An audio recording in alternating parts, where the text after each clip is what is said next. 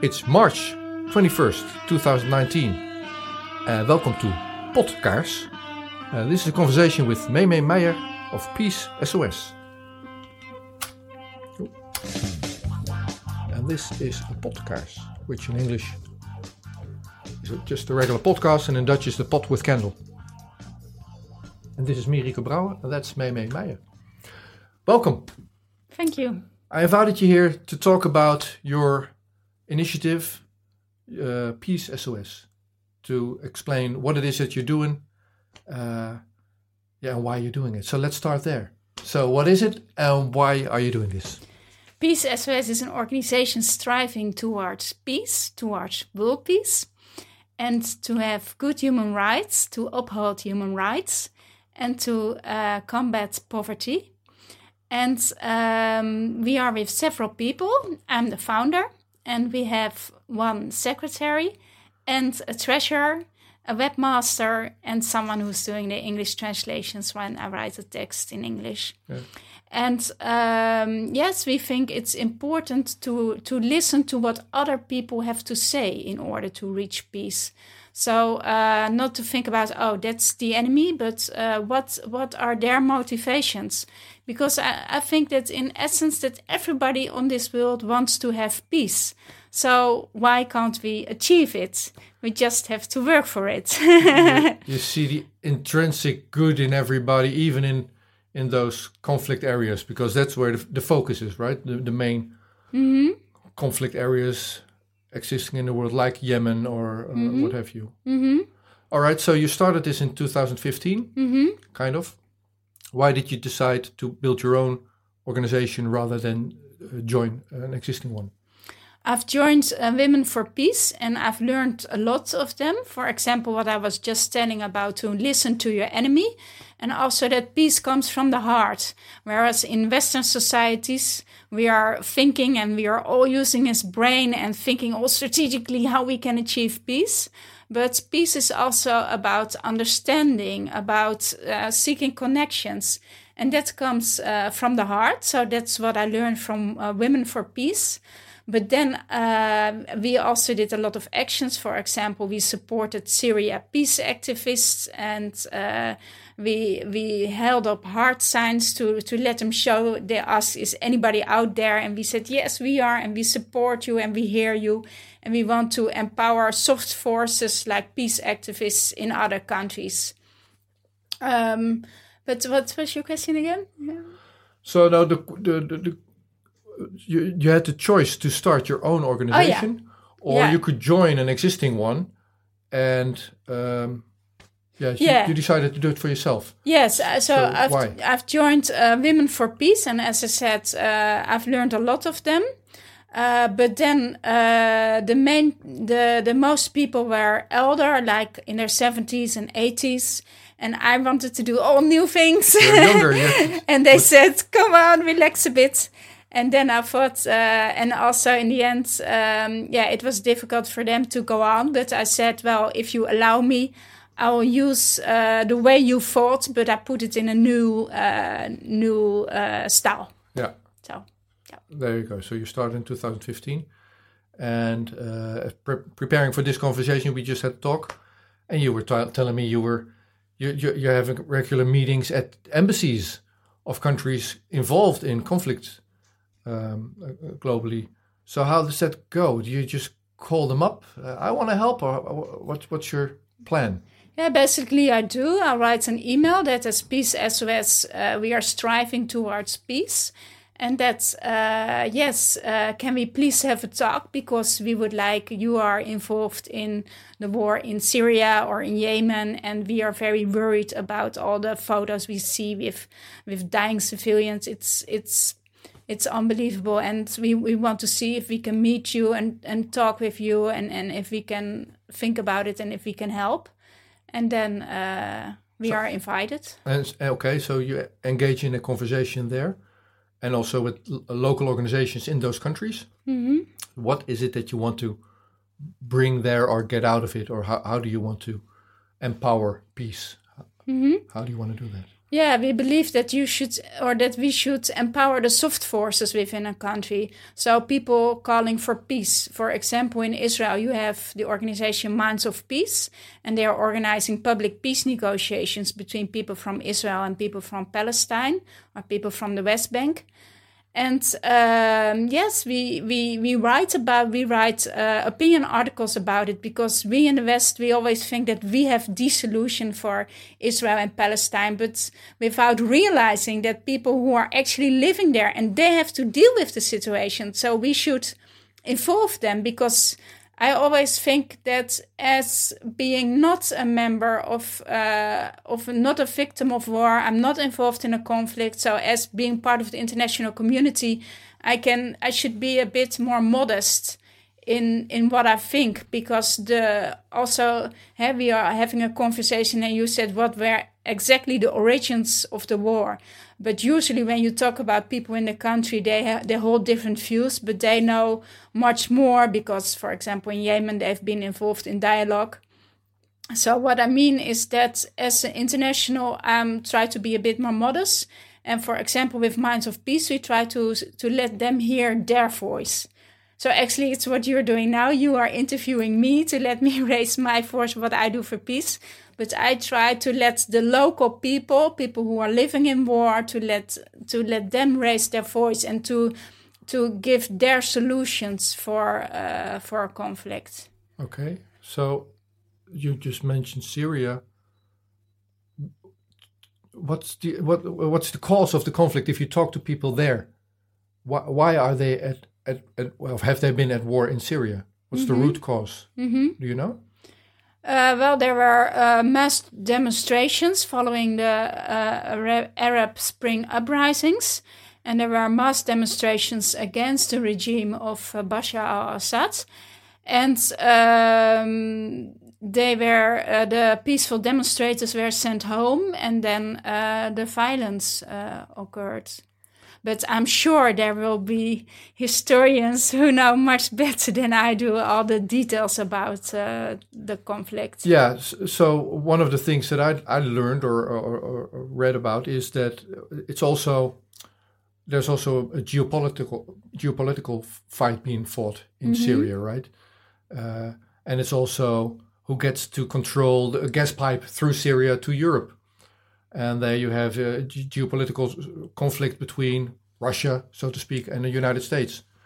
So the people living in Syria, they they they they, they become a victim of something much bigger than just the, the, the struggle in their country. About the gas pipe, I don't know a lot, uh, to be honest. Uh, well, but, uh, but the thing is, in a conflict region, currently like Syria or Yemen, or maybe other ones that you're involved in, it's not just local groups fighting against each other, but it's also foreign countries fighting a proxy war there. Mm-hmm. How does that work? Does that does that hinder you in, in, in your in your struggle to empower local organizations? Uh, that's why we visit the embassies. We are going to visit the countries to say, like, instead of supporting one side of a conflict by providing arms, we are asking them, can you please say that they should hold uh, peace negotiations and find a diplomatic uh, solution for the conflict. But uh, yes, sometimes uh, the five permanent members of the UN Security Council are involved. And this is America, Russia, China, the Uni- uh, Great Britain and France, the the Allied uh, forces during the 2nd World mm-hmm. War. They are the five permanent members in the UN Security Council, and they often um, there there can be tensions between them, and when they are not on one line, it's hard to find a solution for a war. Yeah, well, that's to typical. find a diplomatic solution. Yeah.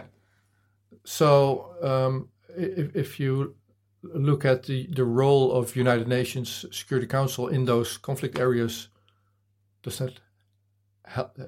What when, when was the last time something was resolved through that path? So when there's a conflict in one of those countries, to my understanding, there's always a veto.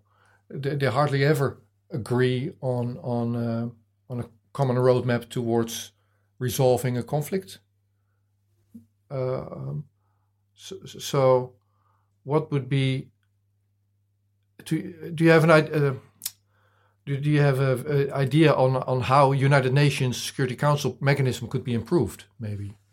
Yeah, that's uh, that's a very good question. The the peace question, or if you if you would know how to make the United Nations work uh, perfectly, because it was established after the Second World War, and the idea was we we never want such a war again. And this idea was very good, but now with the vetoes, it's uh, the functioning becomes uh, more difficult. But I think that we have a common uh, charter, the Universal Declaration of Human Rights. And that's those are the very valuable things of uh, the United Nations. And also that uh, we have UN envoys and they negotiate about peace. And this is very valuable as well. So, and uh, with being all the countries together, at least there is a certain um, a certain mechanism which make countries talk with each other. If we wouldn't have that, then uh, well, I think it would be worse. But I agree that uh, that sometimes it's uh, it's hard with uh, a veto or when when they are choosing different sides. It's very hard to find a solution.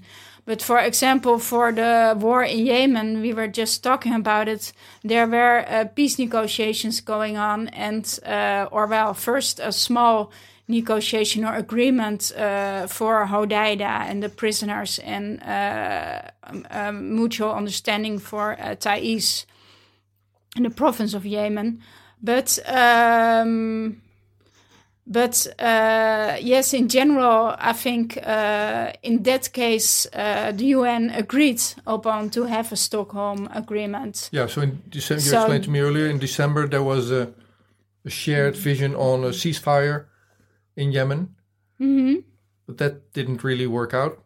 But or, because new conflicts started uh, on different places in Yemen. Yes, in Hajjah and in uh, Taiz, yes and there were more casualties. I just looked it up. Uh, there were uh, 164 and 184 uh, casualties. That was found by Oxfam Novib and Oxfam International, I mean, and the Norwegian Refugee Council. They yeah. have a uh, civilian impact monitoring project. So they study how many casualties uh, there were and yes, that's a very where why people are uh, disappointed because you have a diplomatic solution for the war in Yemen, and then uh, the battlefronts occur on new places. Yeah. So you have two striving groups in Yemen, which is hardly on the news in Holland no, anyway. it's more. It's more. Yeah, okay. You have uh, the Yemeni government. You have the Houthi militias, which they, they, are the main actors. But you also have uh, Al Qaeda fighting over there, and uh, well, there, there, like in in the most wars, there are uh, many other groups uh, fighting against each other. But yeah. Yeah. So, but the the the parties signing that ceasefire in Stockholm in December, mm-hmm. th- those were the two main fighting groups, mm-hmm. or yes. more than that? Yes, they were the main the main. Yeah, but not okay. So where I want to go is the f- foreign involvement, like Saudi Arabia and United States mm-hmm. and uh, Iran. They didn't sign. They weren't part of that uh, agreement.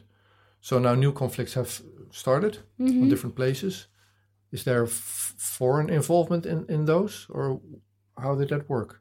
Why did we start fighting again? Yeah, that's a good uh, question. I looked it up for uh. I think it's the Houthi militias who started in Hajjah.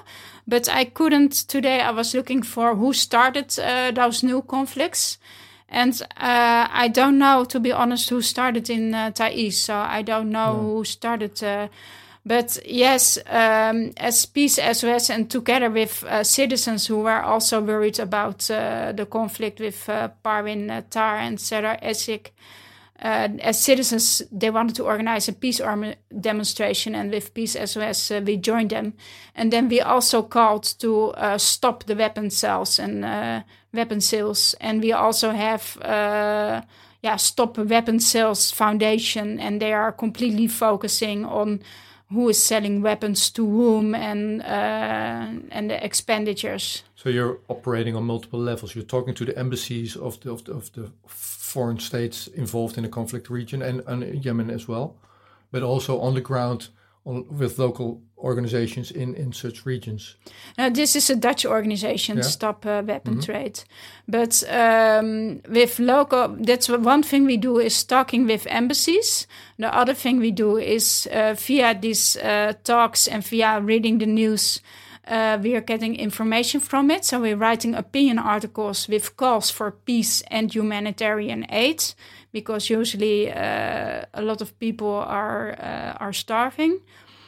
And uh, we also support local peace organizations like Minds of Peace, I just uh, mentioned. Yeah, and that's what you want to empower. So that's your drive from here is to get those organizations to become bigger and, and achieve that goal of peace in those regions. Yeah, or to let them, maybe it's sometimes it's just simply by let them raise their voice.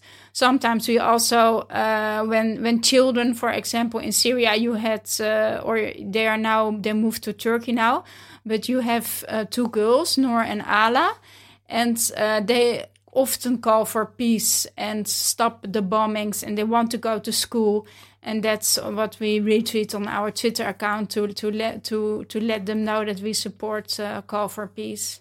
So I was surprised reading up on what you do with Peace SOS that you've been published in all all major newspapers in Holland, and that you end up in talking on, on all those embassies. So how do you do that? How does that work? I think with all things you do, um, you you need to be motivated for the cause, and the rest doesn't matter. yeah, Well, yeah, that's a, it's a compliment, really. So you, you apparently that intrinsic motivation uh, works. So um, how can people help you? Uh, well, I'm very glad that you invited me here to explain about uh, Peace SOS. Thank you for this. And uh, they can simply send messages that they want peace uh, or look at our uh, Twitter account or our Facebook account, uh, Peace SOS. Yeah. Oh. Or, or um, if other people want to go to embassies, because it's simply actually what we're doing is that we are, if people would go to embassies all over the world and just ask uh, for peace and uh, that everybody in the world has enough food. Uh, and then, of course, when you go there, you should uh, read first a lot about uh, the country.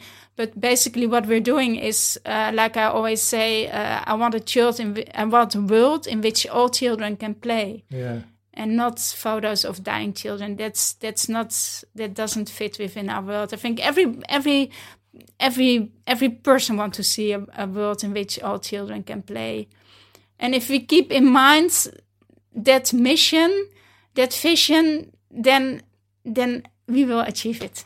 but still, you mentioned um, we're still selling arms to the peop to, to parties fighting in Yemen, for instance. Mm-hmm. So those would be I don't know who's selling the arms.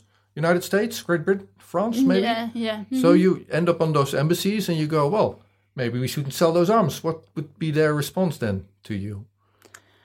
Um, oh, that's a good question. I, I must, uh, to be honest, I uh, maybe I should have go there. Should go there as well. I didn't visit um, the embassy of the United Kingdom yet about uh, stop selling the arms. Uh, that's a good. Uh, thank you for the suggestion.